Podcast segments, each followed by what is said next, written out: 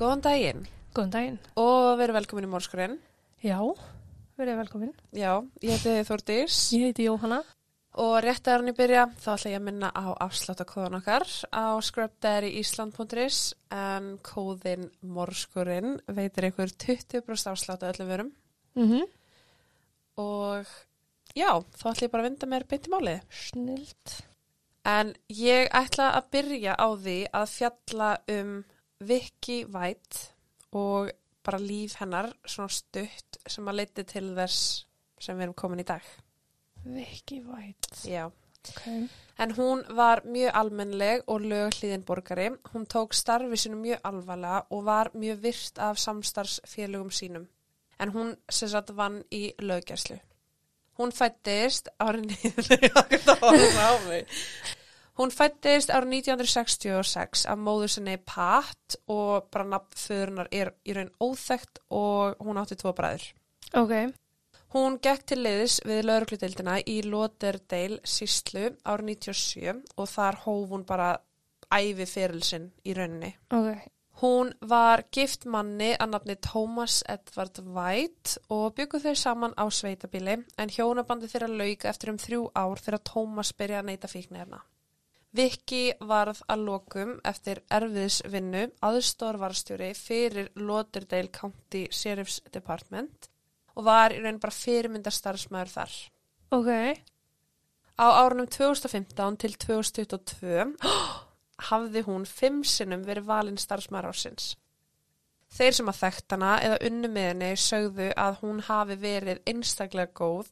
Hún var hjálpsum og hún kom fram við náungan nákvæmlega eins og hún myndi vilja láta koma fram við sig. Hún var einnig mjög bara persónuleg, uh, þú veist, hún deildi ekki miklu um engalífi sitt, talaði lítið um það, var bara mjög lokuð Ok. og það var bara, þú veist, hún mætti vinnuna og hún var ekkert eitthvað að slúður um hvernig hún hefði verið hitta hvað hún hefði verið að gera, sko. Hún þarf vel að gera það ekki líka verandi. Jú, eiginlega, sko. Já. Og það er bara mikið uh, stikla á því að vinnufélagar hennar tristinni bara í þessu starfi. Ok. Hún var bara að gera mjög gott. Það er bara frábært. Já, og hún átti engi börn og það virtist bara sem hún hafi bara helga sér starfinu.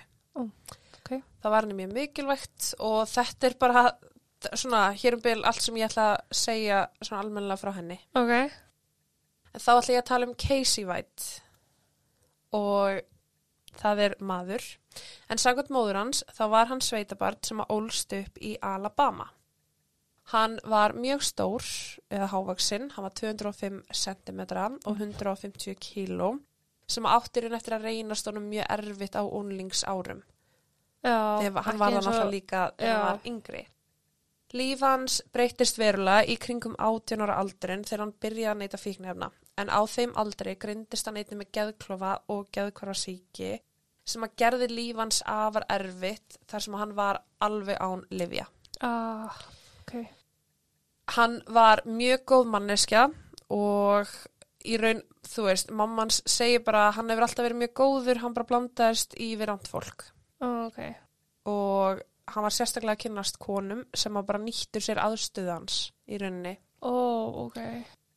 En ef þú skoðar glæpaferðin hans þá væri mjög líklega ósamála með manns meðan hafi verið ykkur the good guy sko. Mm. En hann var sem sagt fyrst handtekinn í september ára 2010 þegar hann barði bróður sinni andlitið með axarsleggju.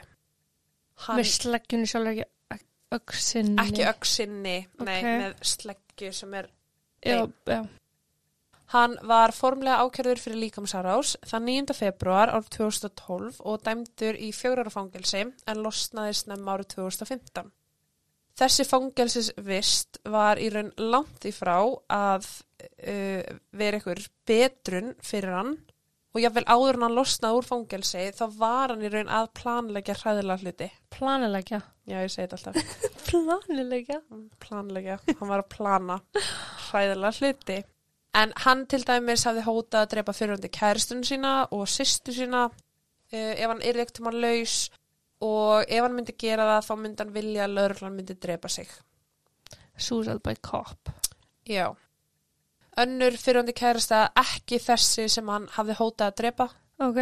Uh, Kristi Sjelton, hún lést þann 1. februar ára 2008 eftir haglabessu skott en það var úrskurða sem sjálfsvíg á þeim tíma. Jafnvel þó að dótturinnar Summer hafi sagt lögreglu að Casey hafi verið inni á heimilinu kvöldið sem að móðurinnar lest. Ok, þannig erum við að kóla bullshit á það. Já, vonandi verður það bara að ansaka ykkur mann. Ok. We never know. Casey var einni yfirherður fyrir morðið á 59 ára gammalli konu að nafni Connie Ridgway. Hún bjó í Waterdale í Alabama en hún fann sláttinn stungin til bana í íbúsinni þann 23. oktober ár 2015. Ok. Hún hafði sérst fundist uh, bara út af áhyggjum nágrana uh, sem hafði farið inn í íbúðun hennar til að aðtöfa með hana vegna þess að það hafði ekki sérst frá henni og þar var hurðin opin og hún látin á gólfinu. En Casey hann neytaði allri sög, neytaði allri aðvild að þessu, var yfirheyrður á lauruglu en það voru bara ekkert nein, nein sönnunagögn til að benda á hann og hann var í raun aldrei handtekinn fyrir þetta. Ok. Skömmu eftir dauða Connie að þá brást Casey í raun við þessum hótunum sem hann hafði áður komið með gegn fyrirhundi kæristinu sinni Já. meðan hann var í fangelsi. En þann 1. desember ár 2015 um klukkan 22.15 þá mætti hann heim til hennar til að hefna sín á henni en hann var reyður því að hann held að hún hefði verið með einhverjum öðrum manni. Ok. Hann mætti ángað með tvær skambusur og þessi fyrirhandi kærasta sem hefur ekki verið nafngrind bara vegna öryggis ástæðna, hún var heima á sér með tveimur börnum sínum en það voru einnig tveir aðrir aðilar á staðnum, sérst bara vinir Ok. og hérna herbyggisfélagar. Casey fer inn og byrjar að skjóta í raun brá alla. Þú veist, hann lappa bara inn og bara bem, bem, bem, bem, bem. En sem betur fer voru börnin í kjallarnum og þau bara algjörlega ómitt.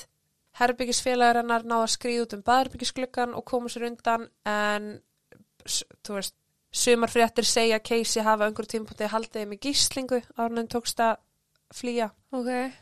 en þeim allan tókst að komast undan.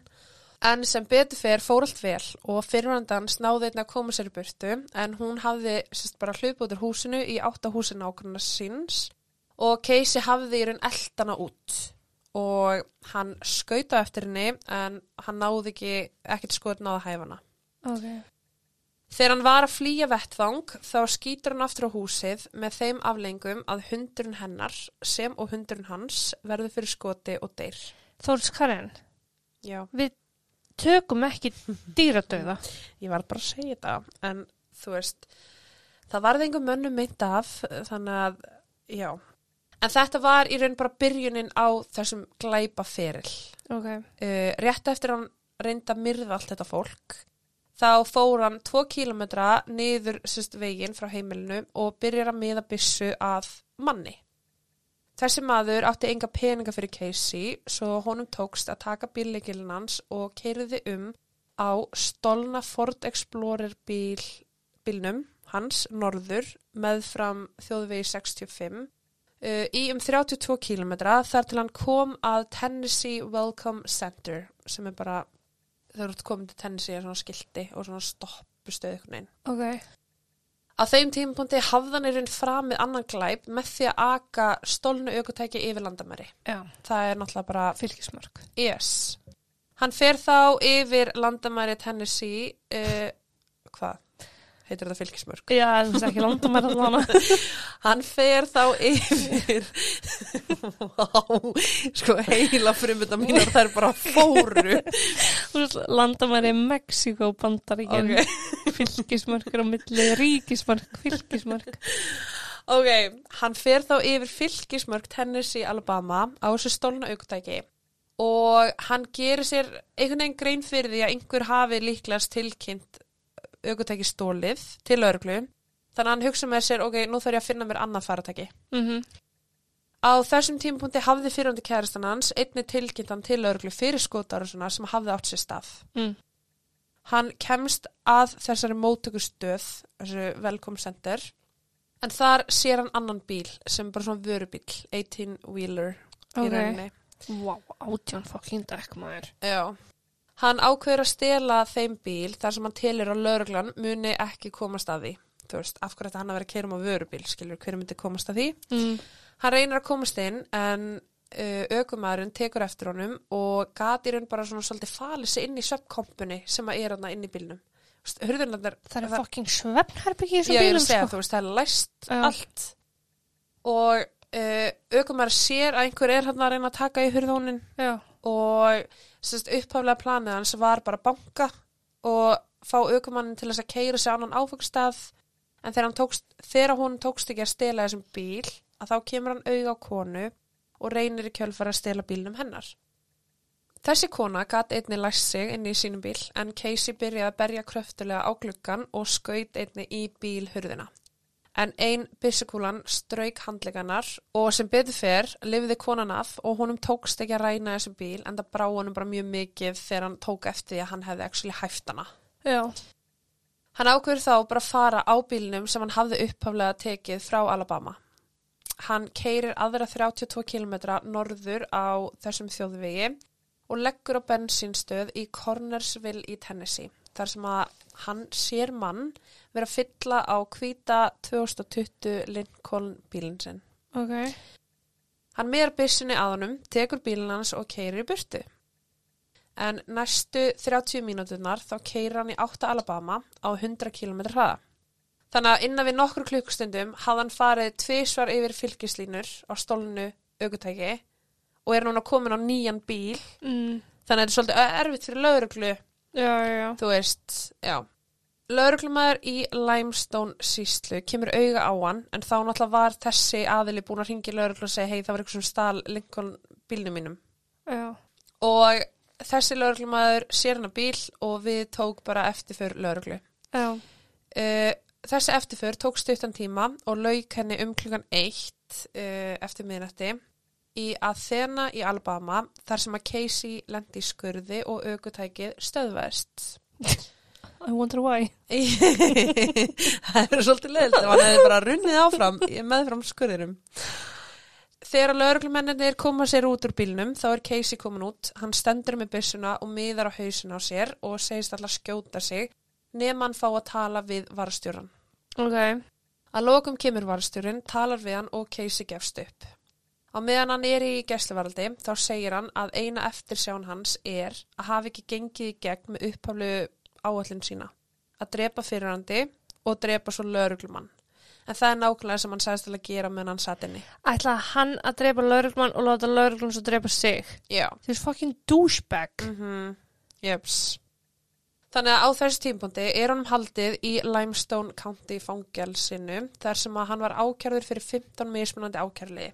Þetta er, þú veist, tilröndi manndráps, þetta eru sex ákjærur um mannrán í rauninni sem hann er að halda þessu fólki í gíslingu Uh -huh. heima fyrir. Þetta er bara gull með í fangelsi. Já, þetta er rán, þjófnar, innbrot, uh, grimd gegn dýri, augljóslega og tilröndi flótta. Já. Og vegna þess að hann átti þetta ferðalega bak sér, þá stóð hann eitthvað frammi fyrir ákæru í báðum ríkjum. Þannig að bæði ríkin eiga sérst tilkatt til þess að hann. Mm -hmm. Döðlangur sem mynda þessum kveða. Já, Þannig að í Tennessee var hann í raun ákærur fyrir tilröndi manndráps og þjófnaðar. Ok. Þannig að það er uh, fólkið fyrirhundi kæristannan og þau. Í Alabama þá er það konan sem hann hæfiði. Að það er í raun já, já, já, já. af því að þetta er að gerast á mismunni stað. Hann satt því í gæsluvaraldi til 8. mars árið 2016 þegar hann loksi sér ákjörður og tæpum þremur árum síðar, eða 4. februar árið 2019, þá voru réttarheldin. Dómsúrskurður kom svo í málunans fjóruðum síðar uh, fyrir 7 af 15 ákjörliðum Okay. og eftir það var hann fluttur til Williamson E. Donaldsons fangelsisins sem að staðisett er í Bessemer í Alabama. Ok. Þann 29. apríl árið 2019 var kveðin upp dómur og hann var dæmdur í 75 ára fangelsi og hann reyndi sitt besta til þess að áfrja en fekk í raun bara sinjun á það. Vænt. Já. Ári síðar eða í júni árið 2020 að öllum óverum þá skrifaði Casey bref til varstjórans í Lauderdale síslu. Varstjórin, Vicky, Uh -huh. og játaði á sig morðið á Connie Ridgway. Stungu fórnulambi. Já. Ok. Einn af rannsökundum í dauða Connie telur að honum hafi verið borgað til að drepa hana en það er ekki alveg ljóst hvers vegna er trúið því en þessi smáadrið um andlátanar hafi raun aldrei verið gerð ofinbyr. Þetta er náttúrulega bara ennþá óupplýst Já, já, og er já. bara rannsókn í gangi. Ok. Ég er nú svo spennt að vita hvað að gerast þennan. Ég, Já. En sumt fólk, þar á meðal mamma Casey, telur að hann hafi einungi skifið þessi játningu til þess að vera framseldur til Lauderdale síslu. Uh, Casey hafði nefnilega áður beðið um hennar flutning vegna þess að það voru þrjú önnur atvik þar sem hann hafi verið lamin að öðrum fengum. Og sem sagt, fangelsið sem hann var í núna Já. er svona hámarks sem í uh, fangelsið í Lauderdale er svona svolítið lámarks, Ok, sem sagt, öryggi. við erum að tala um manni sem er 2 og 5 og 150 kíló. Já. Ok, Samkvæmt Casey þá líka honum ekki við að vera þarna og hann hafði sérst beðið um að vera fluttur í þetta tiltegna fangelsi sem að hann að lokum fekk í gegn. Og við í raun í dag vitum ekki með vissu hvort þetta hafi verið lögmætt játning eða hvort þetta snýrist bara um það að hann myndi fá það í hendunar sem hann vildi. Ég skal Mm. játa þetta á mig og þið færi mig. mhm. Þú veist. Og það var ekki komið að að dæmi í málunni eða neitt þannig. Nei, það er ekki komað að því svo far. Þann 3. ágúst ára 2020 var hann því fluttur í fangelsið uh, sem hann hafi beðum og mætti yfirheyslu varandi morðið á Connie. Þar var hann í þrjá mánuði og kynntist náttúrulega varstjórnum Vicky White sem hann var þá 56 ára gömul sem ég fjallaði hans um í byrjun. Uh -huh. Í óttubur ára 2020 þá var hann dæmdur fyrir morðið á Connie. Þrátt fyrir þessa játningans þá neitaði hann í raun sög vegna ósækæfis en hann alltaf var með geðkvarasíki. Mm. Það átti enn eftir ákveða dagsinningu fyrir réttarhöldin. Hann, sem sagt, uh, sem sagt, þegar ég segja hann var að lókum dæmdur fyrir morðið þá er raun bara það búið að gefa þetta ákæru og þá eftir ákveða réttarhöld og þá eftir að gefa honum þennan dóm. Ok, Hins vegar var verið á þessu tíma að flytja hann aftur í Donaldsson fangelsið vegna sögursagna um að hann ætlaði sér að reyna að flýja úr Lauderdale fangelsinu. að Það það var lámas gesta. Já, og það var sérst bara búið að fréttast eitthvað, ok, hann er að plotta eitthvað, þannig að mm, kannski við færum hann aftur. Ok, Og eins og ég sagði, þá er Donaldsson hámarks öryggisfangelsi, þannig að þeir raun töldu bara að það væri öryggari staður fyrir hann til að vera á, á meðan hann var að býja eftir réttarhöldunum fyrir morðu á konni. mhm, Á þeim mánuðum sem hann þó eitti í Lauderdale fangelsinu, þá er talið að hann hafi orðið mjög náinn viki. Svo náinn henni, Oh my god! oh my god! þú veist hvað valdir? Já, Ok. núna loksins er ég að plúsa saman 2 og 2 ekki að fá fucking 14. ok, En já, svo náinn Viki að á einhverju tímpúti byrjuðu þau að senda bref sín á milli eftir að hann var fluttur aftur til Donaldsson, já, fangelsisins. Þau tvö endur svo á því að saminast innan gæðsalappa á ný þegar hann var færður í fangageimsluna uh, í mars árið 2021 í Lauderdale þar sem hann þurfti að gangast undir geðrannsók til að staðfesta kröfuna um sérst ósakæfi já, og það er sérst að fara í þetta mat. Á þeim tíma byrjaði COVID að blossa upp í samfélaginu svo hann endaði með því að þurfa að vera í fjórum mánuði í sókvi sem að var mjög þægilegt fyrir hann en það var hann nær viki. mm. Þegar sótkvinni lauk var hann fluttur aftur í hámarks öryggis og auðvitað heldur samskipti þeirra áfram þar. mhm, Fangar greindu frá því að á meðan hann var í Lauderdale fangelsinu þá hafði hann fengið sér meðferð frá Viki en hún var sérst að gefa honum auka mat og hann naut bara ákveðna forréttindar sem aðrir fangar gerði ekki. já, hann En hún er- hjá- Já, hún er sérst að uh, fangavörður á þessum tíma í fangelsinu. Hún að uh, er náttúrulega með þessa lögjastli mentun en hún er sérst kemur mikið að fangelsinu. Ok, ok, ok. Réttarhöldin voru að lokum ákveðin 18. apríl árið 2022 og Casey var fluttur í síðasta sinn til Lauderdale. Hann var fluttur ánga 24. februar 2020 og talið er að á þessum tíma hafi samband hans og Viki orðið sem sterkast. Um þetta leiti var móður hans mjög meðvituð um, þetta, um að eitthvað samband að vera í gangi upp á vissumarki. Uh, hún sagði að sonu sinn hafi sagt sér frá pennavinni sem hann var með en hún vissi ekkert nákvæmlega um hverja hann væri að tala annað en bara að Casey elskaði þessa konu og talaði mikið um hana sem baby eða konan mín. ok.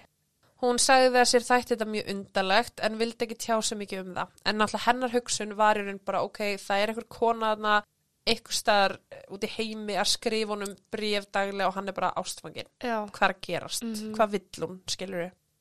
Hins vegar fyrir henni þá var þetta fínleið til þess að dreifa huga svona síns. Ef þessi kona glattan þá bara frábært. Já. Casey segir móður sinni að þessi kona ætla að koma einn daginn heim til hennar og heimsækja hana og börnin hans tvö. En átt, hann átti þessi tvö börn. Ok. Þannig að það kemur að deginum sem að Vicky mætir og eh, heimsækir móður hans og börnin og móður hans Casey tekur eftir að konan er mjög fín og það var reyna ekkert óvinnlegt til staðar. Hún stoppaði stutt og vildi raun bara koma og segja hæ.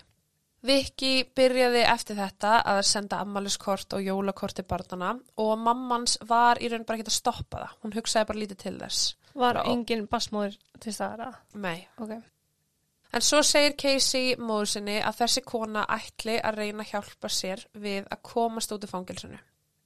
Henni finnst þetta mjög skrítið en Casey segir við hennar bara hei það verður allt gert löglega, þessi kona ætlar að hjálpa mér með lögfræðing og framvægis, hún á peninga og hún ætlar bara að sjá til þess að þau tvö muni enda saman Ok. utan fangilsis og eiga gott líf. Já. Mammans var náttúrulega bara mjög efins um þetta, hann fekk náttúrulega 75 ári fangilsi, hvernig þessi, hvernig ætlar þessi kona að koma og bara eh, laga allt. En hún hugsaði, ok, ef hún á pening, þá greinlega getur hún borga lögfræðakostnað og það mögulega geti hjálpað til. Mhm. Aftur á móti var hún bara ána með að sonun sinni væri hamingsamur. Hún vildi það sem var honum fyrir bestu og reyndi bara alls ekkit að hindra haminguna sem hún sá í honum á þessu tímapunkti. Nei, nei. Réttarhöldin nálgust en þegar nærdróð þá var þeim frestað til 13. júni árið 2022 og Casey var í raun bara alveg sama Já. hvenær réttarhöldin ætti að eiga sér stað. En síðustu þrjá uh, til fjóra mánuði þá hafði Vicky sem að hafði á þessum tíma eins og ég sagði unni í fangelsinu í Lauderdale. Hún hefur sagt vinnufélagum sínum að hún væri að skipulegja það að fara á eftirlaun. Hún sagði að hún hafi lagt inn öll skjöl og bara alla pappira og að planið væri að hætta störfum 29. apríl ár 2022. Ok. Viki seldi meira að segja heimili sitt og hún hafði búið hjá móður sinni í fimm vikur fram að deginum sem hún ætlaði að hætta. Ok. Hún sagði vinum og fjölskyldu að ástæðan fyrir því hún væri að selja húsið sitt væri vegna þess að það væri raun bara stórt fyrir hana eina. Ok. Hún var bara ein hérna með eitthvað hús og bara hafði ekkert við að gera en það var í raun ekkert ástæðan. Nei. Sannleikurinn var sá að Viki vantaði pening og fyrir húsið fekk hún 235.000 dollara. Sælar. Um leið og hún fekk peningin hendunar þá voru þeir allir teknir út af mismunandi reikningum, í mismunandi hraðböngum, í mismunandi böngum. En það var í raun bara allt partur af vel skipulaðri flótt áallun Mm. fyrir Casey. En þau höfðu skipulagt að það myndi eiga sér stað þann 29. apríl, daginn sem hún ætlaði á eftirlun. Er það langt síðan það var? Já. Wow. Þann 29. apríl 2022 klukkan 6.30 um morgunin þá skráir Viki sig út af Quality Inn hótelinu sem hún hafði gist á kvöldin áður. Hún fyrir vinnuna eins og venjulega og klukkan 9.41 dregur hún Casey út úr klefanum sínum. Hún átti nefnilega að fara með hann í geðmatt í sagt, dómhúsinu og venjulega þurfa tveir lauruglumenn að fylgja fengum saman en einhvern veginn tókst henni bara að gera þetta einn og sannfæra vinnufélag sína um að hún myndi spjara sig. Ok. Þetta mat var ekki til. Hún hafði raun bara sagt öðrum lauruglumennum frá því og bú, þú veist, Án allar að skjala og allt. já, bara hei, hann er að fara inn í geðmat, ég er að sækja hann, ok, herru, kott þú, drurururu, en það var ekkit, ekkit sem átti að eiga sér stað. Hún verður svona hátt sett líka. Já. Hún sagði líka að þegar hún fór með hann þangað að þá ætlaði hún að kíkja til læknis í leiðinni því hann leiði ekki vel. Þannig hún ætlaði bara í raun fara, skilja hann eftir, hún þannig ekki að hangi yfir honum, það er Mm. náttúrulega bara aðri lauruklumenn eða, þú veist, öryggsverðir á svæðinu og þá ætlaði hún að kíkja til læknis og fara svo að sækja hann og koma aftur. Hún tekur hann því úr klefanum og þau tvö ganga beint út úr byggingunni inn í bílinn hennar og á örfá mínútum þá eru þau farin en ekki í dómhúsið. Klukkan 11.43 sést Ford Tor Taurus, lauruglubíl Viki á bílastæði Vestlunarmiðstörunar í Florence Square en þarna er bara ekkert vitað hvað er að gerast. Ok.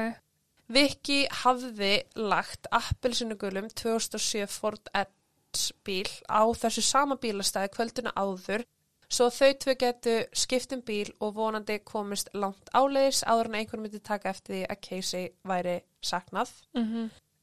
En í raun mistókst þetta plan hjá þeim vegna þess að yfirgefni lauruglubílinn vakti náttúrulega bara áhyggjur fólks. Hvers vegna er yfirgefin lauruglubíl hér? Mhm, Já. Þegar lauruglumönnum var tilkynnt um að faratæki stæði aukt og yfirgefið á bílastæðinu þá höfðu þeir strax áhyggjur. Þeir byrjuði að ringja í Viki en hún svaraði ekki símanum og klukkan 15.30 þennan sama dag þá áttuðu þeir sig á því hvað hafði gerst og tilkynnt var um hvarf þeirra bara þá og þegar. Ok. Það fyrsta sem að fólk hugsaði er hvað gerðist fyrir Viki. Já. Uh, hvernig kom það til að fangi nær að yfirbuga lauruglumann, svona reyndan lauruglumann Mhm. Og stingaf og bara hvar er Viki, er hún á lífi? Er hún látin? Mhm. þú veist, hvar er Casey? En lauruglan hugsaði þetta bara eiginlega strax frá upp að við svolítið öðruvísi sem hann alltaf var ekkert verið að gefa út. En þeir sögðu bara að bílinn skuli vera yfirgefin á þessu bílastæði er merki um að þetta hafi verið skipulagt á einhvern nátt ekkert endilega Viki heldur bara skipulagt af þá mjög mögulega Casey. Mhm. Inn í bílnum finna þær líklenannar, útvarp og handjárnin sem að Casey hafði haft á sér. Hún hafði einnig keift herrafatnað uh, sem að Casey hafði þá skipt yfir í, þannig að hann myndi ekki vera ábyrjandi í appir sinu gulum galla. Fréttir af hvarfið þeirra fóru fljótt af stað og almenningur var bara að leita af þeim báðum. Mm. Myndir sem á upplýsingar um enginni og útlitira var í hverju einasta sjónvarpi í vonum að einhver hafi séð þau og það voru bara mjög miklar vangaveltur um bara möguleg tengslans við einhver gengi og það með eitthvað tattoo, hann með glæpaferil, þú veist, allt þetta. En sem sagt á hægra brjóstunans þá er hann með hakakross og svona eldingar og á bakinu er hann sem sé með sem sagt bandalagsfánan og það stendur sem sagt Southern Pride eða eitthvað svo leis. Já, sem er bara, já, kjöf og íbjökk. Yes. Þegar fréttina bárust til samstarfsfélag Viki þá virtust allir bara hneykslaðir. Þetta var mjög ólíkt hennar karakter og bara frá byrjun var lauruglan bara eitthvað að herða ok, hún planaði þetta. Mhm. En þeir sem unni með henni voru bara hvernig það er ekki sens, henni var rænt. Og í rauninni almenningur var líka svolítið mikið svona ok, henni var rænt. Já. Þú veist, hvernig er þessi virta kona í samfélaginu sem er með hennar ferila baki í lögjæslu að gera eitthvað svona. Og bara hvernig endur hún í þessum aðstæðum? Akkurat. Eitt fangavörður sem að vann með henni sagði að hún væri ótrúlega klár kona og ef hún hefði skipulegt þetta þá kæmust hún sko aldeilis upp með það. Hún nefndi einnig að það væri mjög líklegt að ef að Viki plana þetta þá myndi hún dekja hárlitin sinn til þess að breyta sérst, sinni sjálfsmynd og vera í raun óþækjaleg. En hún var með ljósthár. Ok. Ég var ekki bara með kvitt ára eitthvað. Já. Lauruglan ákvað því í kjölfæri að deila myndum af henni með dögt hár, bæði sítt og stutt til vonar að vara ef hún skildi hafa breytt um útlit. Mm. Casey hafði í raun enga tapa með þessu, hann átti yfir höfður sér lífstíðafangelsi og var nú þegar með 75 ár. Sem er bara lífstíða fólkilsi. Já, og var einmitt að fara fyrir dóm fyrir morðið á, á Connie, Já. þannig að, þú veist, why not, fyrir Mhm. hann. Viki hafði hins vegar öllu að tapa. Já. Virðingunni, hún hafði, uh, þú veist, hún reyndar var búin að segja vinnunni, Mm en hún hafði miklu meira tapaldur en Casey. En þetta, þetta sko býr til vafa um öll mál sem hún hefur komið nálagt. Akkurat. En þann 1. mæ var 10.000 dollara verðlun, uh, voru 10.000 dollara verðlun gefin út af US Marshals Service fyrir allar upplýsingar sem að leittu til handtöku Casey. Mér finnst það fyrir svo lítið samt. Já. Vicky var augljóslega einni eftir list en Casey var talin vera stór hættulur og líklega vopnaður og bara mm. eða sjáðan ekki fara nálatunum ringi í lauruglu. Dægin eftir það, eða annan mæ, var gefin út handtökuskipan fyrir Vicky en það var gert til að auðvelda sínileikan á málunu og það voru sett 5.000 dólar verðlun fyrir upplýsingar sem að leittu til hennar handtöku sem að gera hildarverðlunin uh, um 15.000 dólara. Já. Augljóslega gerði hún þetta daginn sem hún átti að fara eftirlaun hugsaði lauruglan. Mhm. En laurugludeildin sérst bara kom fram og sagði bara hún er ekki lengur starfandi hjá okkur og að hún hafi augljóslega verið reikin út af þessu. En máli var sérst að, að þessir pappirar sem hún var búin að koma skilin, Já. þeir voru ekkert nægir til að hún myndi fara á eftirlaun. Mm. Þeir voru ekki rétt útfylltir, þeir, þú veist að vantaði upplýsingar. Þannig í rauninni var hún aldrei komin á eftirlaun. Þannig að laurugludeildin er að koma fram og segja bara þennan dag var hún reikin, Já. punktur. Þannig að hún er ekkert að fara að fá neitt lífveri Já. vegna þess að hún var reikin úr vinnunni mm, og með skum bara. Já. það kom einhverju upplýsingar fram fyrir en förstu daginn 7. mæ þegar hringt var í laurugluna vegna bíls sem að passaði við lýsinguna á bílnum sem talið er að Casey og Vicky hafi notað við flóttan. Það þýtti að þau væru með heila viku í forskott en það var reyndar sama dag og þau sluppu eða förstu daginn 29. apríl sem að þau höfðu yfirgifið þennan bíl. En hann fannst tveimur klukkustundum norðan við fangelsið á okkur um sveitavegi rétt við þjóðveg í 65, eða Interstate 65. Mm En hann hafði sagt verið dregin inn í Williamson síslu í Tennessee. Hann hefði sérst bara fundist yfirgefin og bara hei, yfirgefin bíl og vaka keirir til bandarækina og sæki bílinn og skutlar honum. En þetta var sagt tveim tímum frá, þar höfðu greinlega skipt um bíl. Þannig að þau hafa bara gönnað. Já, þau var gönnaði tvo tíma, Já. skipt um bíl og nú er liðin vika. Já. Á hvaða bíl eru þau núna? Og hvar í reysa stóru bandaríkjunum eru þau? Akkurat. En það hafði sérst, einmitt, tekið sex daga að bera kennsl ánan bíl uh, sem að gaf þeim þessa viku Já. til að komast undan og bara hvaða, hvaða átt fóru þau? Já. Með við stefnubílsins þá að tala að þau væru á leiðinu norður og þau reyndu einnig að sprauta bílinn í öðru lit en komast ekki langt með það. Lögreglan telur að bílinn hafi bilað og þess vegna hafi þau ákveðið að skilja hann bara eftir og koma sér einhvern veginn öðruvísi áleiðis. Já. Þarna voru náttúrulega tveir tíma liðinir frá því að þau fóru en þá vissi almenningur ekki að verið væri að leita að þeim þannig að þau gengur líklegast bara niður götuna í leit að öðru fari án þess að veki ykkur grunnsendir Ok. af því þannig að já, það var ekkert, ekkert Já, vita á þessu tíma það er raun bara tveir valkostur í búði þau genguðu að fengu far eða mögulega stálu öðrum bíl Eftir að bílinn fannst þá hófu yfirvöld leit á jörðu niðri á svæðinu og leituðu að vísbendingum sem að gætu vísað í áttina að þeim. Einni var hverfið þannig kringskoðað og það var talað við fólk á svæðinu hvort að einhver hafi orðið vör við þau. En það var bara ekkert. Mm. Móðir Viki var mjög neykslu þegar hún komst að því hvað hafi gerst. Hún vissi í raun ekki hvernig hún ætti að bregðast við og taldi bara að það væri eitthvað mistök. Bara dótti mín, nei, hún er ekki að flotta, henni var rænt. Hún sagði að Viki hefði aldrei talað um starfslokk og hún hefði aldrei minnst á Casey á þessum tveimur árum sem að þau átt að hafa verið að tala saman. Ok. Hún var handvið sem að dóttir sín hafi verið tekin með valdi og að það væri eitthvað hræðilegt að fara að gerast. Mm. Á sama tíma var mamma Casey einnu undrandi þegar hún komst að því að konan sem að hafði heimsótt þau í nokkur skipti og sendi þeim kort var í raun starfsmæður í fangelsinu. Hún sagði óbyrberlega að Vicky hafi skipulagt flóttan, ein og sér og sonur hennar væri fórnalam vondrar konu. I quote. Ok, skan. Lögregludeildin var komin með ákveðna kenningu, svo kallaða hjólastólakenningu, að kannski hafi Vicky verið að hjóla um með Casey í hjólastól, þetta er bara legit hjólastól, því að það myndi taka aðteglina frá uh, því hversu hávaksin hann er. Já.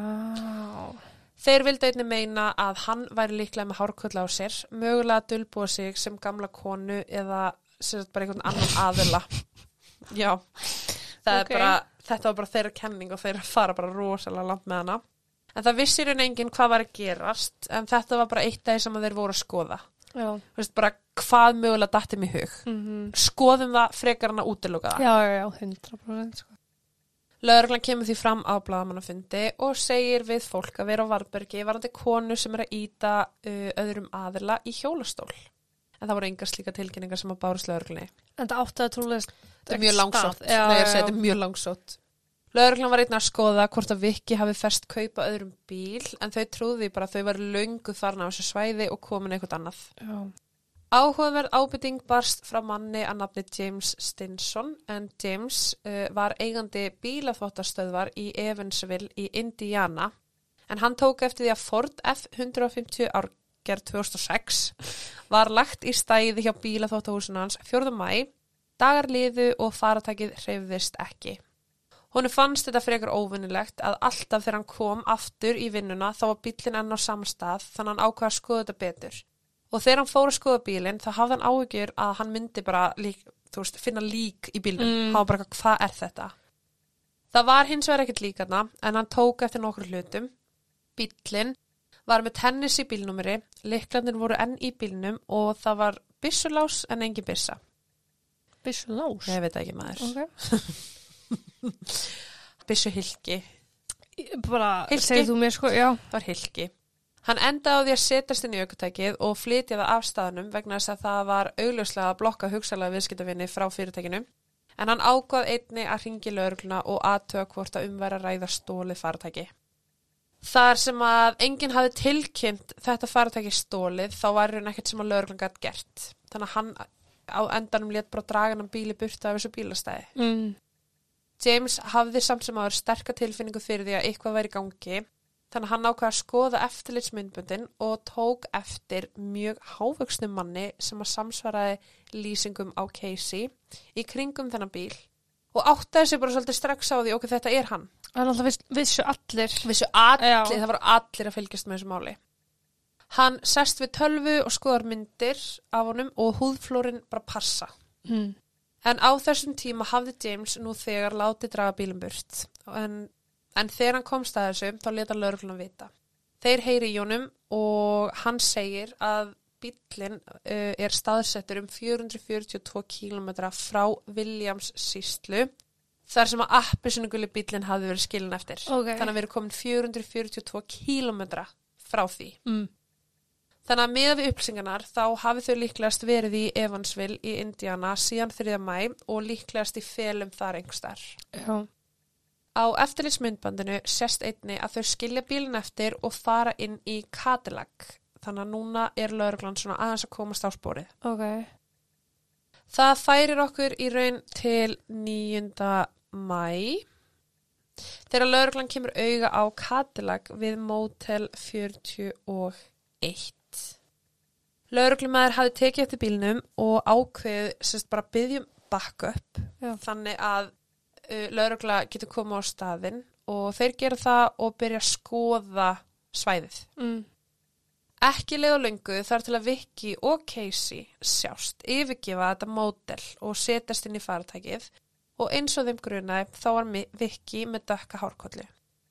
Lörglan byrjar að fylgja þeim eftir uh, á meðan þau eru að yfirgefa mótelið og fljótlega tekur Vicky eftir því að það er verið að elda þau. Hún er náttúrulega bara mjög klár og hún veit hvernig þetta virkar. Og veit alltaf bara hvernig lögreglan hugsa, sko. Já. Þannig að þegar hún tekur eftir þá ringjur hún í neðalínuna og það er, sem sagt, og það er talið að það hafi verið óvart að hún hafi óvart ringt en hvernig ringir þú óvart ég veit ekki alveg en þetta símtal hefur verið gefið út og ég ætla að spila það fyrir ykkur Ok. Amazon Island. 911.